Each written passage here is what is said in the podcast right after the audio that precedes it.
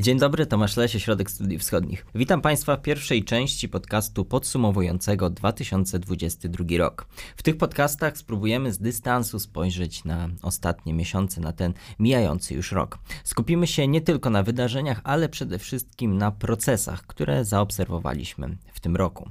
W tej części porozmawiamy o Rosji i obszarze posowieckim, a będę o tym rozmawiał z Wojciechem Konończukiem, dyrektorem OSW. Dzień dobry. Markiem Mękiszakiem, kierownikiem działu rosyjskiego. Dzień dobry. I Krzysztofem Strachotą, kierownikiem zespołu Turcji, Kaukazu i Azji Centralnej. Kłaniam się nisko. To jest podcast Ośrodka Studiów Wschodnich.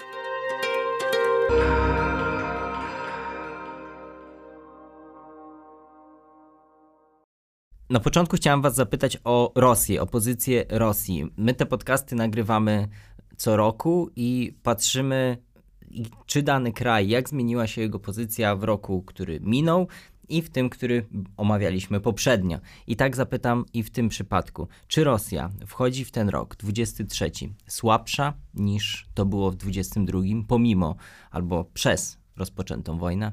Pytanie o pozycję to jest zawsze pytanie bardzo względne, bo pozycja względem czego, względem kogo, w jakiej perspektywie. Jeżeli w ogóle możemy tak ogólnie e, mówić, to oczywiście pozycja Rosji e, osłabła. E, osłabła z wielu powodów. Takim głównym powodem oczywiście było połączenie ze sobą pełnoskalowej inwazji na Ukrainę z naprawdę spektakularnymi i największymi w najnowszej historii Rosji sankcjami zachodnimi wobec niej, do tej pory w, w takiej skali nie, nie notowanymi. Y, I to oczywiście spowodowało cały szereg procesów, które y, Rosję osłabiły. Z jednej strony te sankcje bardzo poważnie e, ograniczyły jej aktywność, jej relacje z e, czołowymi państwami zachodnimi, choć nie doprowadziły do pełnej izolacji, o czym musimy też sobie z tego zdawać sprawę. Rosja ciągle ma partnerów, e, z którymi utrzymuje relacje, a nawet te relacje z państwami zachodnimi w pewnej ograniczonej formie, chociażby tych kontaktów telefonicznych czy jakichś spotkań e, pojedynczych na forach międzynarodowych w dalszym ciągu e, mamy z tym do czynienia. Niewątpliwie gospodarczo Rosja odczuła, odczuła te sankcje, aczkolwiek pierwszy szok, jaki otrzymała, został częściowo zneutralizowany poprzez rozmaite działania dostosowawcze, zwłaszcza w sferze finansowej, bankowej, Rosja nauczyła się powoli mm, e, pewne sankcje e, obchodzić, próbować je w jakiś sposób e, łagodzić różnymi zabiegami, współpracą chociażby z państwami niezachodnimi ale wykorzystała również potężną poduszkę finansową, jaką dały jej dochody surowcowe. Wzrost poważny na skutek kryzysu surowcowego cen surowców, ropy naftowej, gazu ziemnego, tak naprawdę spowodował, że w pierwszym półroczu, e, czyli już w trakcie trwania e, tej konfrontacji nowej e, Rosji z Ukrainą i Zachodem, dochody naftowo-gazowe Rosji były dwukrotnie większe w tym pierwszym półroczu niż w półroczu roku poprzedniego. Więc Rosja stworzyła sobie pewną poduszkę, która pozwoliła tak naprawdę na to, żeby Mm, opanować tę sytuację, nie doprowadzić do załamania się systemu bankowego, nie doprowadzić do kryzysu budżetu rosyjskiego. Aczkolwiek y, w kolejnym półroczu, w kolejnych miesiącach zaczęła coraz wyraźniej te skutki odczuwać i, i myślę, że roku kolejnym E, kiedy ten kryzys w Rosji będzie trwać, e, to stanie się również, e, również widoczne. Więc to jest jakby jeden aspekt, to jest ten aspekt wynikający z sankcji, sankcji zachodnich. Rosja osłabła również w tym znaczeniu, że jej uwikłanie w konfrontację właśnie z Ukrainą i Zachodem, bo tak naprawdę konfrontacja z Ukrainą jest częścią szerszej konfrontacji Rosji z Zachodem, to warto podkreślać, e, też spowodowała, że e, stała się ona w pewnym sensie trochę toksyczna dla całego szeregu różnych państw, w tym części jej partnerów z obszaru postradzieckiego, które to państwa, myślę o tym będziemy też wspominać później, zaczęły trochę testować e, jakby granice, granice rosyjskiej wytrzymałości i odporności. E, aczkolwiek wszystko to miało również swoje, swoje granice. No i wreszcie Rosja przeżyła szok wewnętrzny, szok podwójny z jednej strony wywołany y, po pierwsze inwazją i, i jej bezpośrednimi konsekwencjami y, polityczno-gospodarczymi, a z drugiej strony zwłaszcza mobilizacją. Mobilizacja to był ten naprawdę poważny szok dla y, społeczeństwa rosyjskiego, które dopiero wówczas jesienią tego roku uzmysłowiło sobie, że jest w stanie wojny. E, co wcześniej e, rosyjskie władze i propaganda starały się e, starannie w pewnym sensie odsuwać, sprawić wrażenie, że, że to się dzieje gdzieś obok, że, że to się dzieje mm, poza udziałem zwykłych Rosjan. Ta mobilizacja po raz pierwszy w najnowszej historii Rosji, tak naprawdę po raz pierwszy od zakończenia II wojny światowej przeprowadzona, spowodowała e, to, że Rosjanie rzeczywiście odczuli bezpośrednio skutki tego, tego konfliktu. No i zareagowali różnie, zareagowali część z nich e, dosyć taką gwałtowną ucieczką za granicę kraju. Fala, duża fala migracji. Mm, aczkolwiek pamiętajmy, że jednak w proporcjach do całej ludności to nie są, to nie są liczby gigantyczne. E, ale też spowodowała proces dostosowania się. I, I, to też warto, myślę, o tym ten wątek y, dłużej pociągnąć, że społeczeństwo rosyjskie tak naprawdę niestety do tej wojny zaczęło przywykać. Y, y, traktując to jako zło konieczne, być może jako pewien dopust Boży, coś zewnętrznego, co, co spadło na, na, na Rosjan I niezależnie od e, osobistego stosunku do, do tej wojny, który mógł być różny, czy to pozytywny, czy negatywny, generalnie większość społeczeństwa w bardzo pasywny sposób e, zareagowała na tą, na tę sytuację.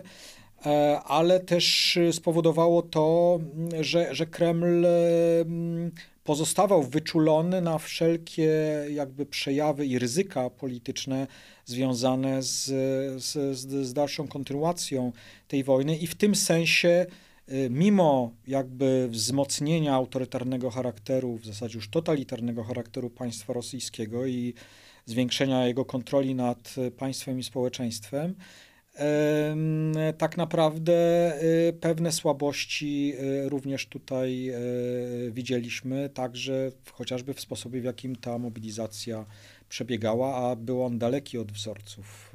I to, i to właśnie ten wątek chciałem pociągnąć. To znaczy, czego dowiedzieliście się jako obserwatorzy z tego roku o Rosji? Bo to, że totalitaryzm, że różne elementy represyjne w państwie rosyjskim są, to, to oczywiście wiedzieliśmy. Czy takim czymś nowym, czymś, co mogliśmy dotknąć i zobaczyć w tym roku, były też te reakcje społeczne, których no, nie było aż tak dużych?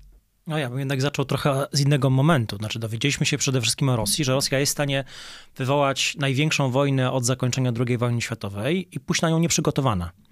Y, Putin miał zwykle opinię stratega, osoby, które, polityka, która działa racjonalnie. Taki był postrzegany mainstreamowo w świecie zachodnim. A tu się nagle okazuje, że Rosja poszła na pełnoskalową wojnę z sąsiadem. Poszła do niej nieprzygotowana, jak się dosyć szybko okazało. E, więc Putin oczywiście w inny kompletnie sposób tą wojnę planował. Co innego z niej wyszło e, już po kilku tygodniach. Tu się okazało, że i siły zbrojne ukraińskie, i społeczeństwo ukraińskie, ale także pomoc zachodnia e, są na dużo większym, większym poziomie niż Rosja w najgorszych snach mogła się tego spodziewać. Więc Putin wywołał wojnę, której jak widać nie jest w stanie wygrać. A wszystko, co się potem zdarzyło, to jest tak naprawdę pochodna tej pierwszej decyzji, która zapadła, która, o której usłyszeliśmy 24 lutego nad ranem, ale która zapadła dużo, dużo wcześniej. Też w bardzo wąskim kręgu rosyjskich e, decydentów. Więc to wojna wszystko determinuje dzisiaj w Rosji.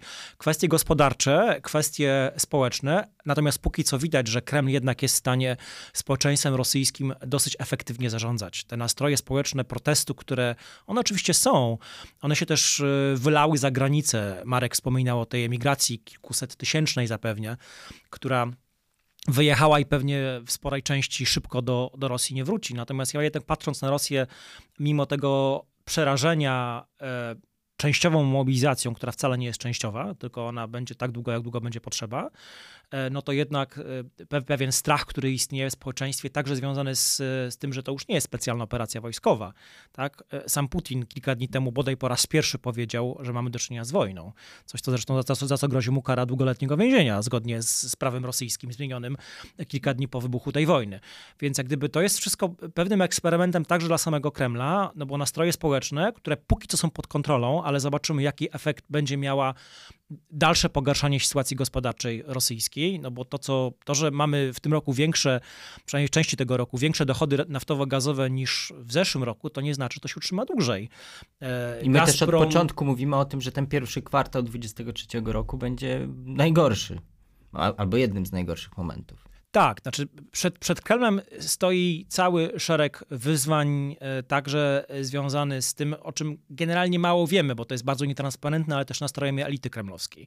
Więc e, wszystko na to wskazuje, że nie ma w tym momencie na Kremlu strategii wyjścia z tego konfliktu, wyjścia z twarzą, co dla Putina jest bardzo, bardzo istotne, co każe nam sądzić, że niestety ta wojna będzie trwała jeszcze długo wracając do tej pozycji Rosji, to wszystko, o czym tutaj mówicie, jest też widziane z perspektywy Azji Centralnej z perspektywy państw, które były niegdyś republikami e, ZSRR. Jak oni patrzą na tę wojnę? Ten rok obfitował w różne obrazki, które obiegły świat, e, różnych przedstawicieli, liderów państw tego regionu, którzy mówiąc delikatnie, dystansowali się e, od Putina osobiście. Czy jak to jest postrzegane w regionie? To, czego region dowiedział się o Rosji. Myślę, że to jest kilka rzeczy. Na pewno patrzy region z dużym niepokojem i ze strachem na to, co, się, y, co, co Rosja robi na, y, na Ukrainie. To w kilku aspektach. Y, wojna pokazała, że Rosja jest gotowa zmieniać granice, naruszać suwerenność państwa, nie liczyć się z niczym, podważa wszystko, co stanowi tak naprawdę rację bytu tych niepodległych republik w, w Azji Centralnej. Wojna pokazała słabość Rosji, to że niezależnie od tego, że Rosja chce coś takiego zrobić, nie jest w stanie tego zrobić, czyli jest elementem yy, właśnie pokazującym słabość yy, Rosji. Kolejnym elementem, który z Azji Centralnej był bardzo mocno yy, widoczny, to jest to, że pewna naturalna atrakcyjność Rosji, Rosja była naturalnym punktem odniesienia i w wielu aspektach stabilizatorem, bardzo ważnym partnerem y, politycznym, gospodarczym, bardzo silne związki y, y, społeczne. Bardzo istotny element stabilizujący sytuację w, w, w, w Azji Centralnej. Nagle Rosja stała się czynnikiem destabilizującym. Nagle zaczęło uosabiać perspektywę problemów gospodarczych, perspektywę napięć społecznych, przede wszystkim perspektywę konfliktu, potencjalnego zagrożenia. Tak, i to jest bardzo mocno widziane w Kazachstanie, bo to Kazachstan jest adresatem bardzo agresywnych rosyjskich y, stanowisk politycznych, y, medialnych, podważających terytorialną integralność y, Kazachstanu, w ogóle podmiotowość, suwerenność Kazachstanu. I wreszcie państwem niezdolnym do tego, żeby zareagować i stabilizować sytuację. Ja bym przypomniał, że region wszedł w ten rok, który się obecnie kończy, potężnymi protestami y, w Kazachstanie w styczniu. Y, I tutaj interwencja rosyjska, bardzo chirurgiczna, bardzo precyzyjna, była mm, łabędzim śpiewem jakby tej, tej siły rosyjskiej. Oni byli w stanie bardzo szybko i bez strat własnych ustabilizować sytuację, y, ukierunkować jakby rozwój sytuacji politycznej. To był taki... Chirurgicznie pokaz... wręcz. Tak. E, dzisiaj nikt nie ma wątpliwości, że taka operacja by się nie powtórzyła. Ten efekt nie byłby e, taki sam, że interwencja rosyjska wiązałaby się z niestabilnością, z problemami, z zagrożeniem. W związku z tym jest radykalna zmiana pozycji e, rosyjskiej i radykalna potrzeba poszukiwania alternatyw dla, dla Rosji. Dla Kazachstanu kwestiach stabilności wewnętrznej, to są na przykład Chiny.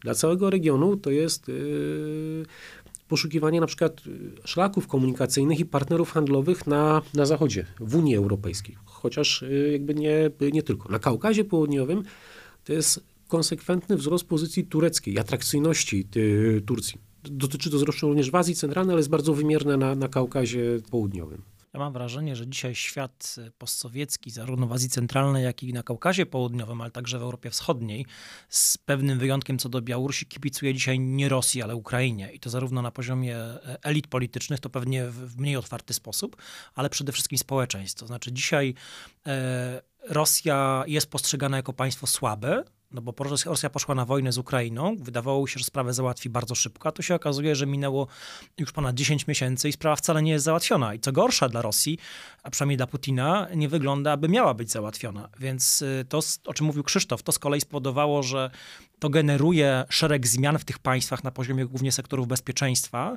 W mniej lub bardziej otwarty sposób to jest, to jest y, manifestowane. Pojawiają się w większym stopniu e, gracze e, zewnętrzni, ale też mam wrażenie, że dzisiaj jednak takim nie do końca dopowiedzianym, ale jednak e, dominującym chyba w, na, na, tym obszarze jest postrzeganie, że Rosja tą wojnę w końcu przegra. I tu jest bardziej zastanawianie się, a jakie będą tego konsekwencje. I co to znaczy pewnie w kwestii, jak ten pokój może wyglądać. Czy to też jest moment erozji Rosji jako Moskwy, jako takiego centrum, bo o tym w tych krajach, Kazachstanie, Kirgistanie, Rosja często była postrzegana jako, jako jakieś centrum, punkt odniesienia, miejsce, do którego wyjeżdżano z takich rzeczy prozaicznych na studia, rozwijać się. Czy to ten wizerunek też Rosji też upadł w tym roku? Mi się wydaje, że on bardzo mocno eroduje i to warto chyba przypomnieć, że on eroduje na życzenie i zgodnie z, z celową polityką rosyjską. W przemówieniu, które poprzedzało inwazję na Ukrainę, Putin otwarcie podważył jakby zasady, według których powstawała ty Ukraina, jej granice, jej y, suwerenność, przy, przywołując jakieś historyczne i historiozoficzne rozważania o początkach ZSRR. Więc Rosja niejako zadeklarowała, że zmienia reguły na obszarze postsowieckim. Przywraca im naturalną z perspektywy rosyjskiej miarę. Tylko, że nie była w stanie tego zrobić. Więc niejako na własne życzenie zainicjowała proces, który ma swoją własną dynamikę, ma swoją własną e, siłę i który przynosi bardzo realne e, owoce. Przykład e, OUBZ-u, Organizacji Układu o Bezpieczeństwie Zbiorowym, który Rosja prezentowała jako odpowiednik NATO, który okazał się być zupełnie nieskuteczny w kontekście wojny na Ukrai ukraińskiej. Był zupełnie nieskuteczny, jeżeli chodzi o obronę sojuszniczej Armenii w jej konflikcie z, z Azerbejdżanem, czy wobec chociażby konfliktu kirgisko-tadżyckiego w Azji Centralnej, konfliktu granicznego, który się tam y, regularnie po, powtarza. Bardzo trudną, uchwytną, ale znaczącą rzeczą jest kwestia autorytetu. To jest to, w jaki sposób przywódcy tych państw odnoszą się do Putina, w jaki sposób y, uznają i wyrażają swoje dla niego swój autorytet. Tak naprawdę w ciągu ostatniego roku mieliśmy całą masę potężnych afrontów, które w języku dyplomacji, w języku dyplomacji postsowieckiej, w języku dyplomacji centralnoazjatyckiej były potężnymi policzkami wymierzanymi przez prezydentów Kazachstanu, Tadżykistanu, Kirgistanu, Armenii wobec y, Putina. To nie jest Rosja, z którą oni chcą współpracować. To, to nie jest Rosja, z którą, na którą oni mogą y, liczyć. To jest Rosja, wobec której oni są gotowi publicznie dać wyraz swojego y, niezadowolenia. Ja chciałem powiedzieć, że oczywiście się zgadzając z tym, z tym co, co koledzy powiedzieli, ale nie zapominajmy jednak o, o, pewnej drugiej stronie medalu. To znaczy, to prawda i to najbardziej drastycznie oczywiście widzimy w przypadku Ukrainy, Rosja się myliła, Rosja miała przerost ambicji nad możliwościami e, realizacji swoich celów. Rosja prezentowała i nadal prezentuje arogancję imperialną, taką bardzo, bardzo typową dla elit rządzących tego kraju. Ale z drugiej strony Rosja, mimo że bardzo drażnią ją te wspomniane właśnie afronty, które, które e, ostatnio e, otrzymuje z różnych stron, wydaje się ciągle ma takie głębokie przekonanie, no, powtarzając te trochę e, swoje dawne, dawne tezy, mówiące o tym, daleko od nas nie uciekniecie. przyjdzie czas, że karta się odwróci. I to jest to myślenie trochę powodujące, że Rosja być może mniej y, y, zdecydowanie reaguje na pewne, pewne działania, gesty y, czy decyzje szeregu państw, które należą do tego obszaru, które ona uważa za swoją strefę wpływów, niż byśmy tego po niej oczekiwali. Bo jest to właśnie takie głębokie, imperialne, imperialne oparcie na tej bucie, przekonanie, nie uciekniecie od nas, od nas daleko i tak naprawdę ciągle mamy narzędzia i wy wiecie o tym, że my mamy te narzędzia, żeby w was uderzyć i widzimy waszą ostrożność, bo to jest też kwestia, że jest ta ostrożność i ją widać. Fakt, że poza Ukrainą, e, Mołdawią i częściowo Gruzją żadne państwo po, postradzieckie oczywiście już nie mówię o państwach bałtyckich, nie głosuje wprost przeciwko Rosji w, w rezolucjach na przykład na forum ONZ. E, fakt, że państwa te nie tylko nie ograniczają, ale nie, nawet wręcz y, zintensyfikują relacje gospodarcze w niektórych sferach z Rosją. Kazachstan, Gruzja sta, sta, stają się ważnymi hubami dla, dla Rosji, e, jeśli chodzi o e, import, tak zwany import równoległy, który przez te kraje, zwłaszcza Kazachstan, jest realizowany. I czerpią z tego powodu korzyści. Mówią o nowych projektach inwestycyjnych z udziałem Rosji, jak na przykład Azerbejdżan, który jest bardzo zainteresowany rozwojem korytarza północ-południe w, w stronę Iranu.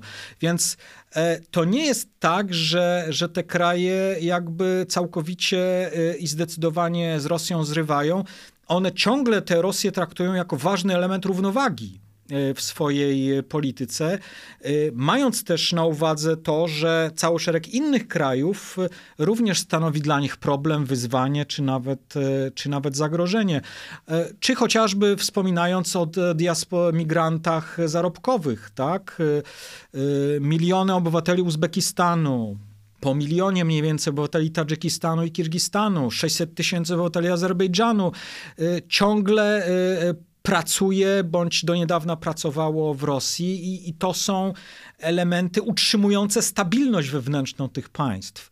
Gdyby Rosja nagle odcięła, zablokowała możliwości y, y, ich funkcjonowania na, na swoim rynku, no odbiłoby się to bardzo niekorzystnie na ich sytuacji i władze tych krajów zdają sobie z tego sprawę, dlatego prowadzą mimo wszystko jednak dosyć y, ostrożną politykę. Moskwa to dostrzega i Moskwa e, e, dlatego, jak mi się wydaje, dosyć spokojnie również reaguje na, na te, te różne przejawy właśnie braku szacunku, które ostatnio się z ich strony pojawiają. Ja jeżeli mogę, tutaj to, to są dwa równoległe procesy, które się wzajemnie nie wykluczają. Moim zdaniem system postsowiecki, pewien model, w którym Rosja zachowywała pewną kontrolę nad y, obszarem postsowieckim, on się wyczerpał. Tak jak mówię, on został niejako świadomie zanegowany przez y, Rosję. On się wypala z każdym kolejnym miesiącem konfliktu, który trwa. Zmieniają się mechanizmy, zmieniają się charakter zależności między nimi, ale to nie oznacza, że Rosja przestaje istnieć, to nie oznacza, że Rosja przestaje być ważna dla tych y, państw, to nie oznacza, że Rosja przestaje być groźna dla tych y, państw.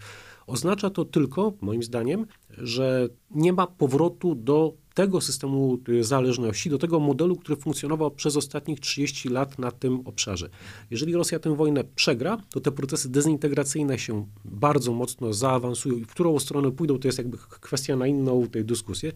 Gdyby nie daj Boże Rosja tę wojnę wygrała, to również nie powróci do tego modelu, który funkcjonował jeszcze rok temu na obszarze postsowieckim. Myślę, że chciałaby to wykorzystać do tego, żeby przejąć bardziej bezpośrednią kontrolę nad, e, nad obszarem e, postsowieckim. To są, to są dwa równoległe, wcale niesprzeczne ze sobą procesy, tak jak mi się wydaje. Tylko powiedzmy, że dezintegracja e, wpływów rosyjskich na obszarze postsowieckim, to ona się zaczęła oczywiście wiele lat temu. Ona przyspieszyła po 24 lutego i to widzimy, Tutaj Marek e, bardzo słuszne argumenty przytoczył, żeby ten nasz obraz wpływów rosyjskich dezintegrujących się na obszarze postsowieckim nie był jednorazowy, bo jednak Rosja nie tylko ma instrumenty, narzędzia wpływania na te państwa, tak, otwarty rynek pracy, kwestia pracy gospodarczej, która się generalnie rozwija i te państwa rzeczywiście na, działają trochę jako pośrednicy w coraz większym stopniu, choćby dla różnych firm zachodnich, które przez Gruzję, Armenię, Kazachstan, Uzbekistan i tak dalej eksportują na rynek rosyjski w coraz większym stopniu. zresztą, ale też Rosja jest cały czas arbitrem wykorzystującym różne animozje, konflikty regionalne, choćby powiedzmy o konflikcie ormiańsko-azerbejdżańskim, gdzie Rosja cały czas, mam wrażenie, że jednak jest tym głównym akcjonariuszem i, i też ważnym cały czas rozgrywającym. Natomiast to, e, jaka będzie przyszła rola, czy w ogóle będzie, jaka będzie przyszła rola Rosji w tych regionach, no zależy, powiedzmy teraz jeszcze, od tego, jak się skończy wojna na Ukrainie.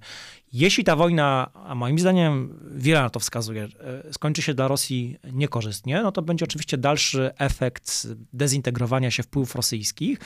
E, na to się, jak już mówiliśmy, nakłada też postępujący strach elit tych e, politycznych tych krajów. Nawet jeśli on jest skrywany, maskowany, to jednak strach, mam wrażenie, przed tą rosyjską, rosy, rosyjskim niedźwiedziem z północy, on cały czas bardzo mocno tkwi w tych elitach. Czyli, jak rozumiem, można to podsumować tak, że śmierć rosyjskich, pogłoski o śmierci rosyjskich wpływów w obszarze posowieckim są, e, są przesadzone. Ale chciałem. W... Przepraszam, ja bym to jednak mhm. troszeczkę jakby skorygował. Moim zdaniem te wpływy na obszarze Kaukazu i Azji Centralnej są zdecydowanie mniejsze.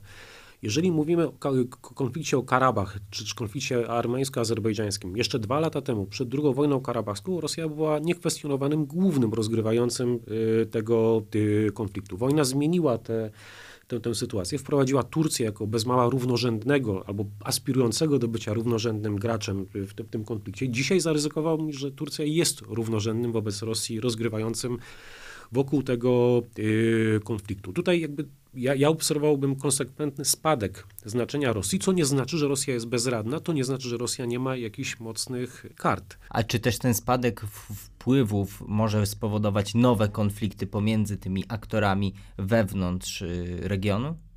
Oczywiście, na przykład na przykładzie Karabachu. Wydaje mi się, że tak. To zawsze jest tak, kiedy eroduje stary porządek, kiedy się tworzy miejsce, kiedy jeden z istotnych graczy stwarza przestrzeń dla innych, to jest konieczność do dostosowania pokojowo albo niepokojowo, bardziej konfrontacyjnie się do nowych y, jakby realiów, wypełnienia pewnej y, próżni. Dlatego jest tyle pytań, co się na Kaukazie będzie działo w najbliższym roku i w którą stronę to pójdzie, gdzie tak naprawdę możemy rozważać i o pokoju, i wojnie. W jednym i w drugim przypadku Rosja będzie miała bardzo dużo do, do, do powiedzenia, ale to nie jest już sytuacja praktycznie monopolistyczna, którą Rosja do niedawna miała. Ja bym jeszcze raz podkreślił e, tę rolę konfliktu e, rosyjsko-ukraińskiego i szerzej rosyjsko-zachodniego, bo to jest naprawdę konflikt definiujący tak naprawdę e, sytuację na wielu polach. I to jest to, że cały szereg aktorów oczywiście z jednej strony odczuwa negatywnie konsekwencje tego konfliktu, bo na przykład rwą się pewne połączenia e, e, transportowe, handlowe, skaczą ceny e, surowców. Z drugiej strony otwierają się możliwości doraźnego wykorzystania tej sytuacji do jakichś swoich celów, chociażby właśnie do pośrednictwa handlowego, ale tak naprawdę to, w jaką stronę ten konflikt będzie zmierzał, czym on się zakończy, jeżeli w ogóle się zakończy, czy Rosja, czy Rosja odzyska inicjatywę, czy uda jej się zrealizować choć część e, swoich ambitnych planów politycznych wobec Ukrainy, czy też nie, czy będzie to spektakularna porażka Rosji, będzie ona zmuszona e, wycofać się z e, większości okupowanych terytoriów Ukrainy, to tak naprawdę zdefiniuje również możliwości Rosji możliwości Rosji, a z drugiej strony percepcję Rosji w, w tych państwach i postawę tych państw wobec, wobec Rosji. Mm, również w szerszym kontekście relacji z Zachodem, także y, w kontekście relacji z Chinami. Pamiętajmy, że ta wojna ma naprawdę globalne konsekwencje. Ona zmienia sytuację y, tak naprawdę y, jak żaden konflikt po zakończeniu II wojny światowej on, ten konflikt zdefiniuje kształt globalizacji chociażby. To, czy będziemy mieli utrzymany pewien model, czy też, jak widać, pewne przesłanki do tego, ten model się będzie zmieniać, że tak naprawdę kończy się pewien model globalizacji, z którym do tej pory mieliśmy do czynienia. Będą się tworzyć być może bloki gospodarcze, coraz bardziej zamykające się na siebie i tworzące zamknięte e, łańcuchy e, e, dostaw, zaopatrzenia, źródeł surowców i tak dalej. Pytanie, tak naprawdę, jak ten konflikt będzie ewoluować, jak on będzie wpływać na procesy globalne, bardzo wiele zdefiniuje, jeśli chodzi o możliwości, cele i faktyczną realizację polityki wielu państw. Pociągnę ten wątek i chciałbym Was zapytać, czy to ten rok 2022, czy to jest moment, w którym scementował się i całemu światu został pokazany już bez większych wątpliwości sojusz rosyjsko-chiński. Czy to jest ten moment, od którego będziemy mogli w przyszłości datować powstanie takiego, takiego bloku? Myślę, że to jest wielki test dla relacji chińsko-rosyjskich. E, myślę, że e, ten, ten sojusz czy quasi-sojusz, czy postępujący sojusz, on był widoczny wcześniej. I tutaj mogę zareklamować raport Ośrodka Studiów Wschodnich, który powstał jeszcze przed wybuchem wojny rosyjsko-ukraińskiej, przed 24 lutego, który to wszystko, co się potem wydarzyło, zdiagnozował. A biorąc pod uwagę, że ten raport był gotowy kilka miesięcy przed, przed wojną, to mam wrażenie, że to już wtedy było dostrzegalne. E, to, co się, reakcje Pekinu na, na wojnę, one tylko pokazują, komu Chińczycy dzisiaj kibicują. Co do tego nie ma żadnych wątpliwości. Chiny, które próbują pokazywać się jak jako państwo rzekomo neutralne, tak naprawdę wcale nie jest neutralne. E, wprawdzie e, Pekin spodziewał się, że Rosja sobie szybko poradzi, bo przecież Rosja ma potężną armię, takie było przekonanie nie tylko w Pekinie. Tu się nagle okazało, że Rosjanie mają, zabuksowali, nie są w stanie się z tej wojny w żaden sposób, tym bardziej zwycięsko E, wyjść, ale to nie sprawia, że, że Pekin się od Moskwy odwrócił. Pekin się od Moskwy też nie może odwrócić, także dlatego, że rosną związki gospodarcze, energetyczne między Rosją i Chinami. E, Chiny trochę traktują Rosję jako pewien taran do zniszczenia tego zdominowanego przez Stany Zjednoczone porządku e, światowego, mając nadzieję, że to, czego Chińczycy nie mogą, z różnych względów, także gospodarczych, prawda, e, zrobić, że za nich to zrobi putinowska Rosja. I ona rzeczywiście próbowała to zrobić. Przypomnijmy, że, ta, że przed wojną, przed agresją rosyjską na Ukrainę mieliśmy memorandum, czy właściwie ultimatum e, Ławrowa, tak to jest nazywane, z grudnia, które, e, które no pewne w takiej ultimatywnej formie pewne rzeczy od Zachodu Rosja zażądała. Jak wiemy, nic z tego e, nie wynikło. Natomiast z całą pewnością, kiedy dyplomacja chińska ten dokument przeczytała, no tylko mogła przyklasnąć Rosję, bo to mniej więcej też o to chodzi dzisiaj dyplomacji chińskiej. To znaczy, im mniej wpływów USA na poziomie globalnym, tym lepiej dla Pekinu. Zwłaszcza, że też niedługo po, po, po grudniu wydarzyła się wizyta przy okazji Igrzysk Olimpijskich y, Putina e, w Chinach i spotkanie z Xi Jinpingiem, gdzie też powstała deklaracja, z której no, wiele rzeczy wynikało w tym kontekście. Absolutnie wspólnego oglądu problemów światowych, absolutnej zbieżności strategicznych interesów Rosji i Chin. Przy czym ja wracając jakby do twojego pytania, e, to, to słowo sojusz jest bardzo nieprecyzyjnym słowem, pokazującym relacje między Chinami a, y, a Rosją.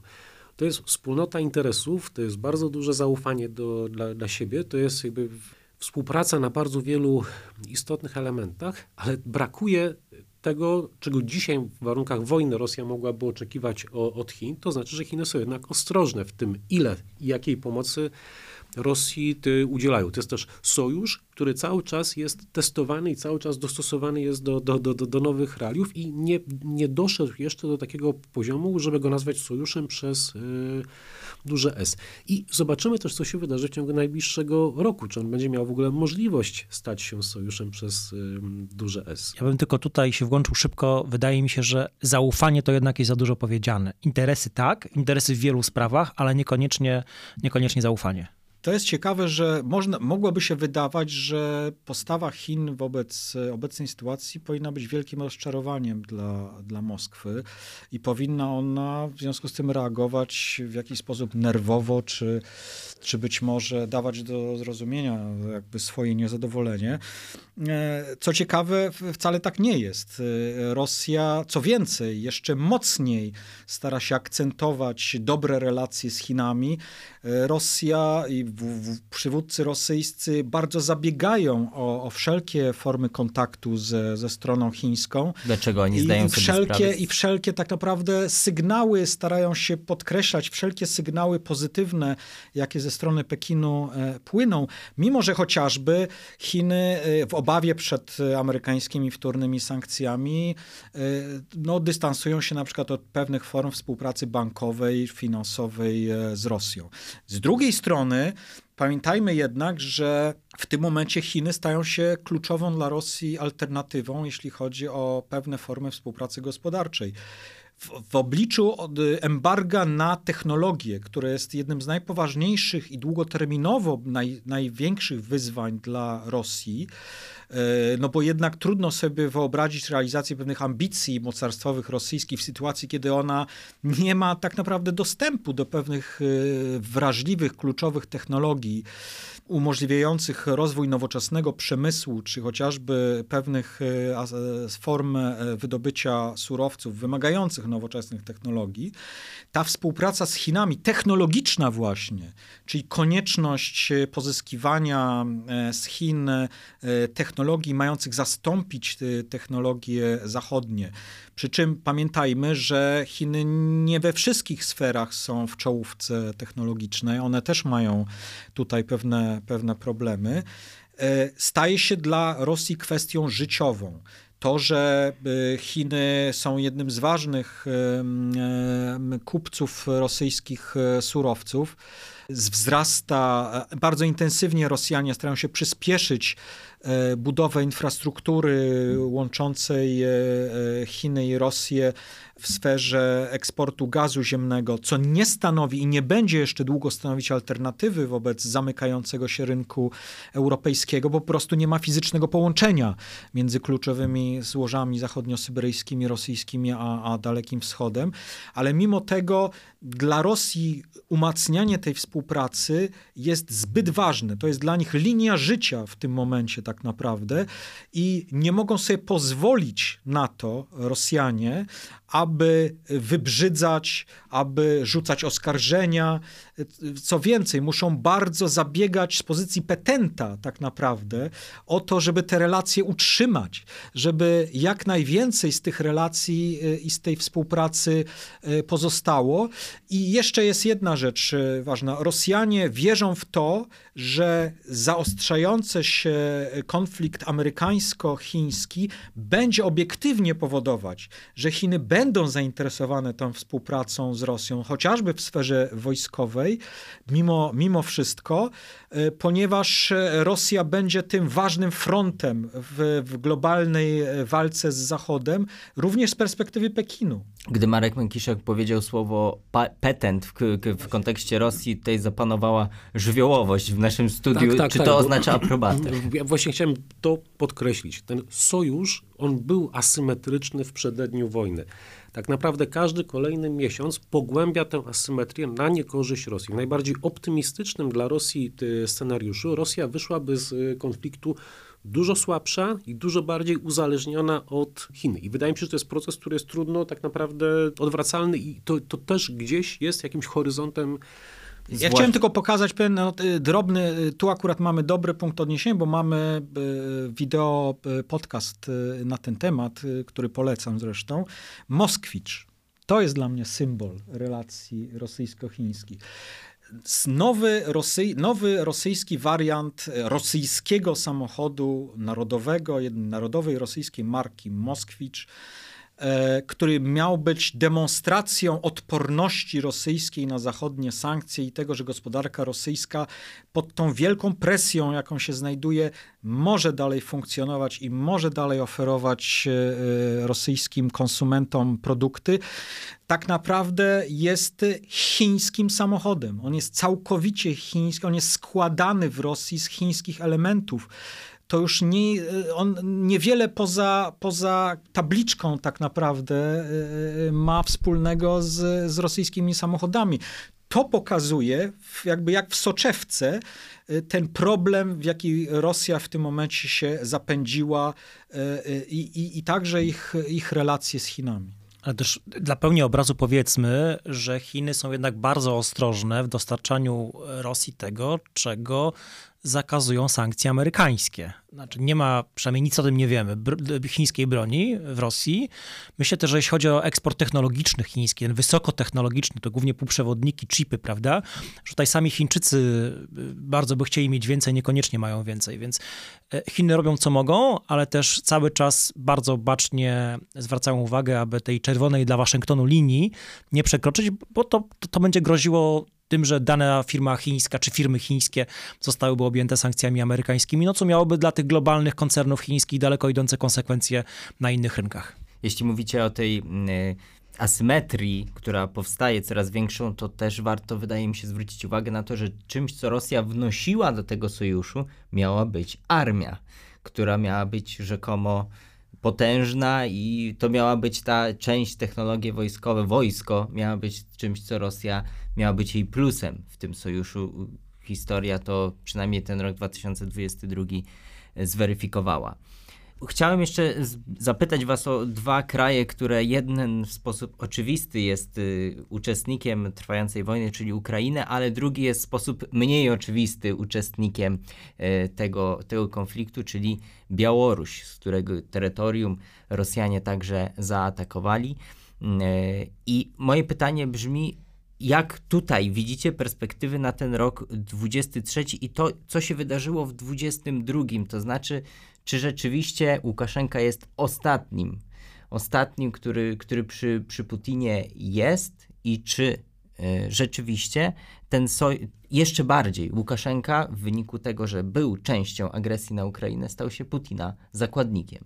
Na pewno Białoruś Łukaszenkowska jest jedynym państwem w tej części świata, które aktywnie Rosję wspiera. Wspomniałeś o tym, że Białoruś jest państwem, które uczestniczy w agresji od pierwszego dnia, mimo tego, że nie ma żołnierzy białoruskich na terytorium ukraińskim. No to jednak terytorium białoruskie od samego początku jest aktywnie wykorzystywane przez siły zbrojne rosyjskie, najpierw do, agre do agresji w stronę Kijowa, tak, ale też od tego czasu nieustannie do ataków rakietowych na cele ukraińskie. Także mamy około 10 tysięcy żo żołnierzy rosyjskich, którzy na terytorium terytorium Białorusi stacjonują. W ostatnich miesiącach ich ilość rosła, a nie spadała. Pytanie otwarte, na które sami Ukraińcy próbują sobie odpowiedzieć, jest takie, czy jednak Łukaszenka zostanie w pewnym momencie zmuszony przez Putina do tego, żeby siły zbrojne białoruskie na terytorium ukraińskie, głównie w kierunku zachodnim, żeby te trasy logistyczne z granicy polskiej w głąb Ukrainy przeciąć. Póki to się nie stało i wydaje się, że to jest jednak, to nie jest wykluczone, ale na tym etapie jest to wciąż mało, mało prawdopodobne. Natomiast Łukaszenka oczywiście popiera Putina, wspiera Putina także dostawami broni, co jest ciekawe. Ze składów białoruskich one jadą e, nieustannie e, do, na potrzeby wojska rosyjskiego. Natomiast on sobie zdaje sprawę, że on jest nie tyle zakładnikiem Putina, co jego władza zależy od tego, że y, kto rządzi na, na Kremlu. To znaczy, on bardzo jasno to mówi, wręcz Łukaszenka jest w ogóle szczerym politykiem. Jak się go y, słucha i się rozumie to jego narrację, to, to, to bardzo łatwo wiedzieć, co on ma w głowie. I on mianowicie y, mówi, że dzisiaj suwerenność Białorusi, to oczywiście rozumie przez to własną władzę, jest zależna od tego, jak się skończy ta wojna. I oczywiście to, to jest prawda. To znaczy, dzisiaj nie, nie, ma mowy y, o tym, żeby doszło do jakichkolwiek zmian wewnętrznych na Białorusi, transformacji politycznej. E, tym bardziej trudno powiedzieć, że reżim Łukaszenki może się skończyć, dopóki nie skończy się reżim Putina. Więc w tym sensie Białoruś jest zakładnikiem sytuacji na Kremlu. E, z drugiej strony Łukaszenka zrobił coś, co, mm, co z jego punktu widzenia, ale też punktu widzenia Putina sprawę załatwia. Mianowicie spacyfikował własne społeczeństwo. Mimo tego, że dzisiaj, jak wiemy, e, pewnie większość społeczeństwa białoruskiego jest przeciwna tej, tej wojnie, a już znaczna większość jest przeciwna udziałowi sił białoruskich w agresji na Ukrainę, no to jednak protestów nie widzimy. Znaczy, migracja białoruska, polityczna, ale także te tysiące więźniów politycznych, które trafiły do aresztów i do więzień, które cały czas trafiają, no sprawia, że, sprawia, że dzisiaj Łukaszenka może myśleć o sytuacji wewnętrznej jako generalnie sprawie załatwionej. Ale czy też, czy ten moment będzie takim e, właśnie punktem, w którym Rosja jeszcze zwiększy swoją presję na tematy integracyjne wokół Białorusi? Tak naprawdę w tym momencie to jest pewien znak zapytania. Na ile potrzebna jest Rosji w tym momencie formalna integracja z Białorusią? Paradoksalnie najpierw rewolucja, a potem przygotowanie i sam konflikt z, z Ukrainą tak naprawdę y, trochę przyhamował y, realizację, czy przynajmniej polityczną presję na realizację tych, y, tych projektów. To oczywiście nie oznacza, że, że Rosja z nich rezygnuje, ale chodzi o to, że w tym momencie te doraźne relacje, ta, ta, ten formalny model sojuszniczy Y, ze strony y, białoruskiej, współpraca ścisła polityczna i współpraca wojskowa jest ważniejsza niż y, jakby bardziej długofalowe kwestie głębszej integracji. Rosja, Kreml ma głębokie przekonanie, że Białoruś jest systemowo uzależniona od, od Rosji i nie jest to dalekie od prawdy. Nie jest to dalekie od prawdy i że ona jakby no, nigdzie nie, nie ucieknie. W związku z tym no, no nie ma potrzeby w tym momencie e, się spieszyć. Natomiast e, rzeczywiście wydaje się, że e, Rosja chciałaby, żeby Łukaszenka trochę przypieczętował, można powiedzieć, tę swoją zależność, jednak wysyłając e, chociażby symbolicznie białoruskich żołnierzy do walki na Ukrainie, bo to tak naprawdę w oczach Moskwy spowodowałoby, że nie byłoby już żadnej możliwości odwrotu czy jakiegoś lawirowania politycznego z punktu widzenia Białorusi, szukania jakichś dróg, być może normalizacji, oddzielnych dróg normalizacji normalizacji relacji y, z Zachodem. Niezależnie od tego, że wartość tego wojskowego udziału białoruskiego zapewne w oczach rosyjskich y, też nie bez powodów i nie bez podstaw jest oceniana raczej nisko. Z całą pewnością e, wzrosły wpływy wojskowe rosyjskie i też stopień integracji armii białoruskiej. I tutaj. Co e, też obserwowaliśmy przed wojną jeszcze. Co obserwowaliśmy przed wojną, nawet ten raport napisaliśmy rok przed rosyjską agresją, który ma tytuł Rosyjska Armia Białoruska, która pokazuje, e, jak ściśle zintegrowane są siły zbrojne białoruskie z rosyjskimi i tak naprawdę co się wydarzyło, wydarza cały czas w ostatnich miesiącach. Tylko to, nie tylko to potwierdza, ale wręcz widzimy kolejne tego przejawy, że ten stopień, nawet nie wiem, czy integracja nie jest zbyt miękkim słowem prawda? Czy z, rosnąca zależność e, sił e, e Białorusi od, od, od Rosji, to, to, to jest widoczne coraz, coraz większym stopniu. Więc Rosjanie tylko zwiększyli swoją kontrolę nad sektorem e, bezpieczeństwa i obrony Białorusi. Nie sposób, mówiąc o, o tym roku, mówimy trochę w kontekście Rosji i jej wpływów ale nie sposób nie powiedzieć o Ukrainie. Oczywiście temat przemian na Ukrainie, tego co się cały czas dzieje, to jest temat na zupełnie oddzielną dyskusję, e, w której też, tak jak nad wszystkim, o czym rozmawiamy, jest cały czas dużo, dużo, dużo pytań, na które bardzo trudno odpowiedzieć, ale chciałam Was zapytać, czy Ukraina pod wpływem tej rosyjskiej agresji, czy już bezpowrotnie, na poziomie społecznym, wypadła z rosyjskiego miru? o ile jakkolwiek w nim była. Moim zdaniem na wypadła i wszystko, wszystko to na to wskazuje, mamy kolejne tego potwierdzenia. Ostatnim tego przejawem jest demontaż pomnika Katarzyny II, który obserwowaliśmy po Bożym Narodzeniu. E, I to jest ciekawe, że ten pomnik, on został postawiony 15 lat temu. E, jedno z najbardziej prorosyjskich miast do niedawna na Ukrainie, mówiące w języku rosyjskim, ale też mające dużo zrozumienia dla interesów rosyjskich. No te badania, które jeszcze kilka lat temu społeczne były prowadzone wśród mieszkańców Odessy, one bardzo jasno pokazywały, że znaczna mniejszość e, tego miasta opowiada się na przykład za integracją z Unią Europejską. E, było duże zrozumienie dla integracji z tymi projektami rosyjskimi, także jeśli chodzi o bezpieczeństwo. E, widzimy, że to się kompletnie odwróciło. Znaczy, to Rada Miejska Odessy zdecydowała o tym, że Pomnik, który ta sama rada sfinansowała kilkanaście lat temu, zostanie zdemontowany po długich dyskusjach, długich demokratycznych dyskusjach. Badania też pokazują, że większość mieszkańców tego miasta poparła e, tą decyzję. Mówię o tym e, dłużej dlatego, że to jest dla mnie pewien, e, pewne symboliczne potwierdzenie, że nawet w tych ośrodkach miejskich ukraińskich, które były postrzegane jako najbardziej prorosyjskie, to jest przeszłość nie ma powrotu do tego. Znaczy, dzisiaj po tych e, tysiącach rosyjskich zbrodni na Ukrainie, po pewnym przekonaniu od Lwowa po Charków e, na północy, a na południu po, po Odessę i Hersoń, że to jest wojna egzystencjalna dla e, państwa i narodu ukraińskiego i że to Rosja jest tym głównym, jedynym zagrożeniem egzystencjalnym dzisiaj dla, dla tegoż narodu i państwa, no nie ma powrotu do przeszłości. Znaczy, to jest najważniejsze wydarzenie, trwająca wojna, w relacjach ukraińsko-rosyjskich pewnie od połowy XVII wieku, od Rady Perejesławskiej, prawda, która podjęła e, decyzję o, o połączeniu się z, z Rosją. Więc mamy do czynienia z, rzeczywiście z fundamentalnym wydarzeniem historycznym, które nie tylko zmienia Ukrainę i Ukraińców, ale on też zmienia region.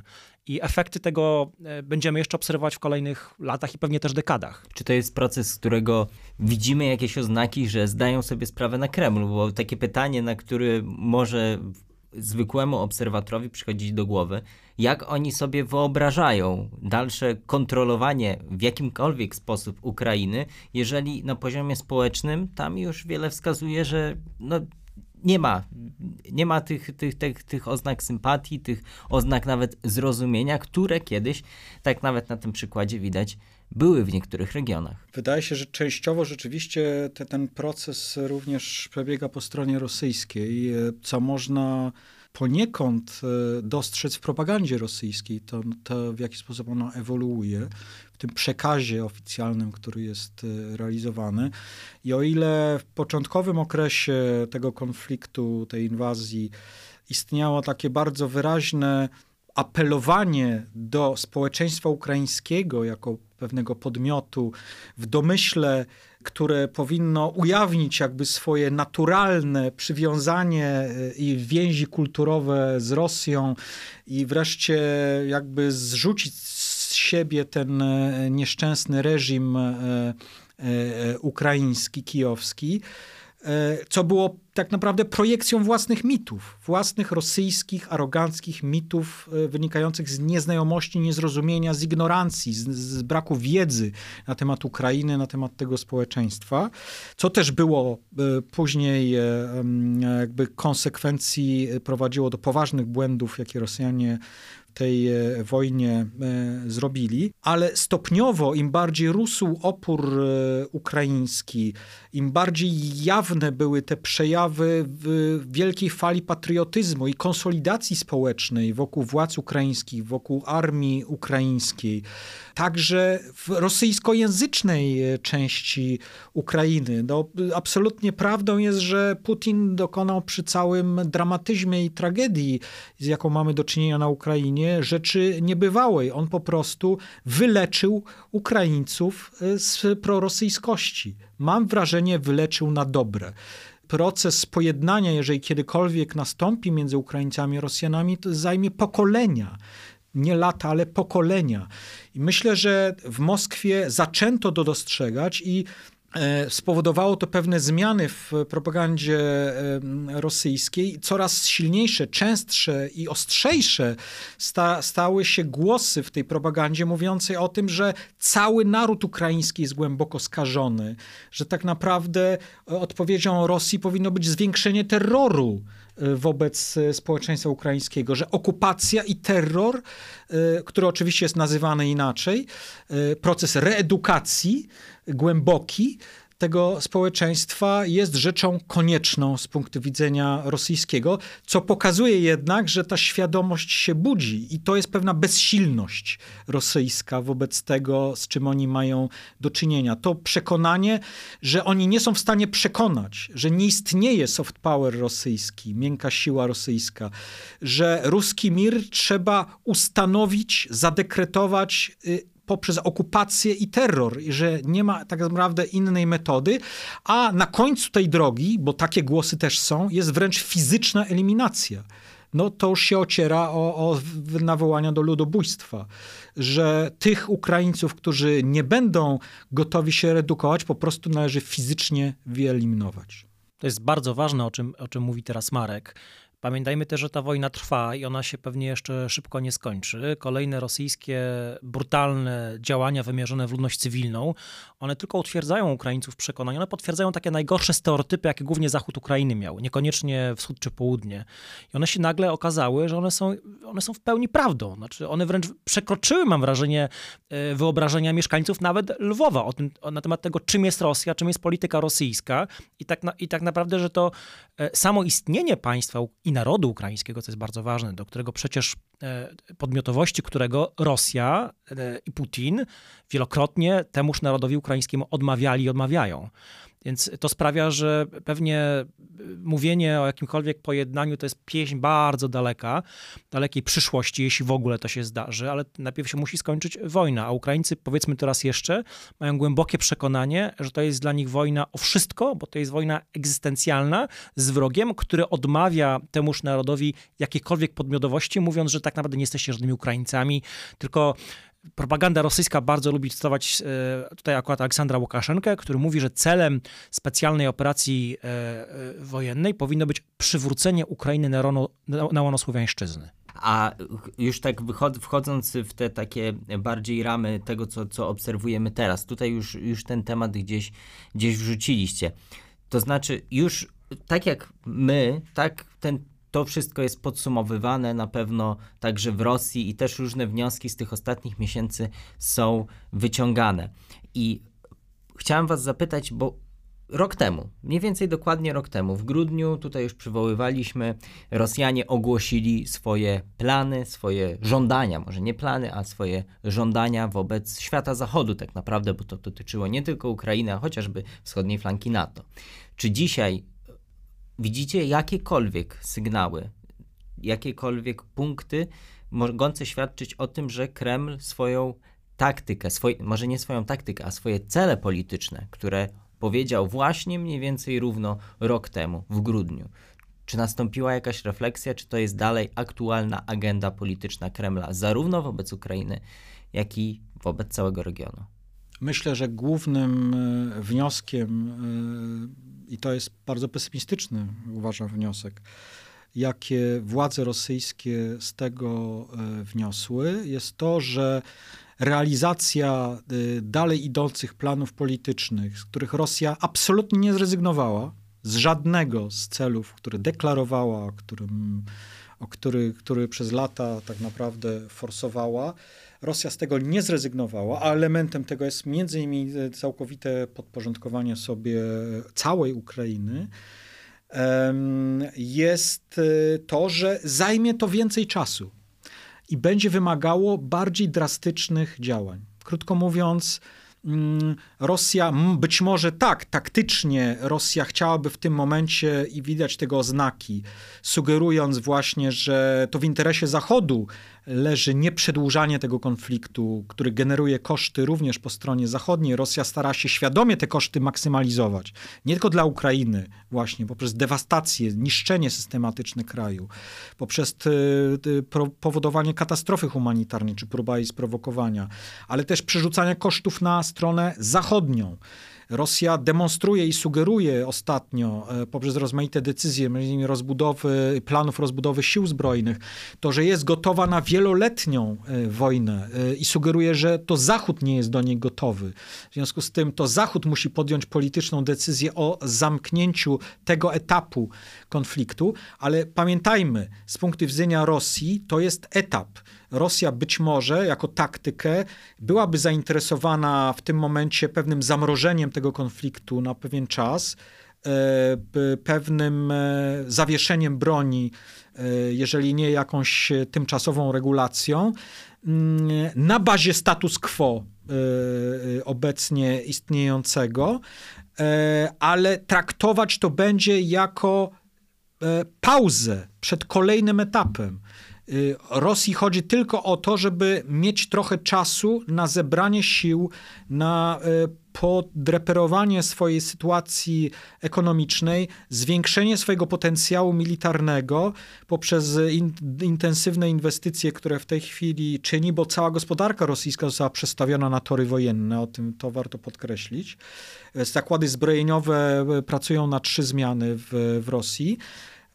Więc tak naprawdę to nie spowoduje, że Rosja zrezygnuje z tych swoich celów. Ona tylko będzie chciała troszkę wygrać czas po to, aby te cele w kolejnym etapie dalej realizować.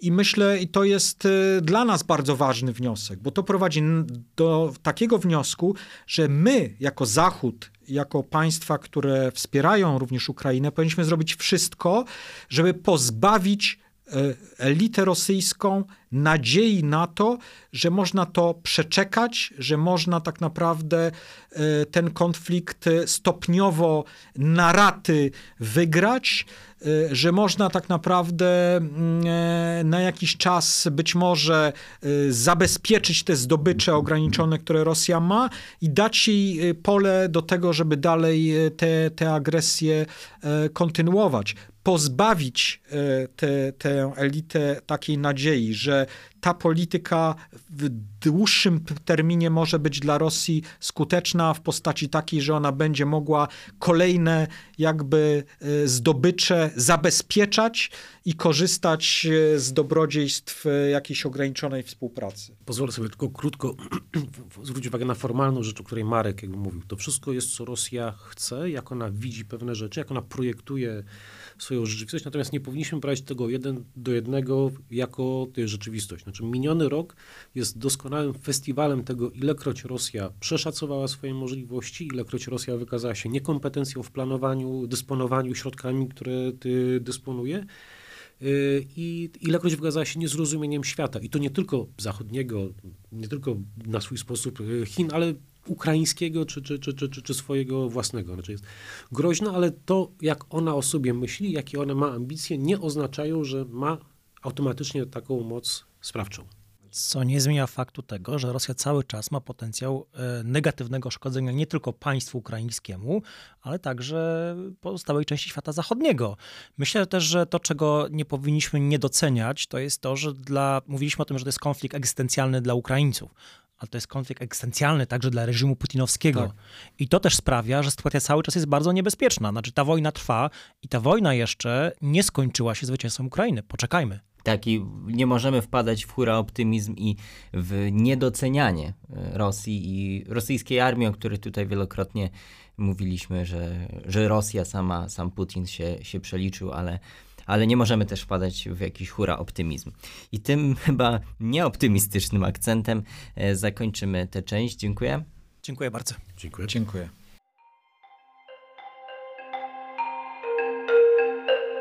Wysłuchali Państwo podcastu Ośrodka Studiów Wschodnich. Więcej nagrań można znaleźć na stronie www.osw.waw.pl.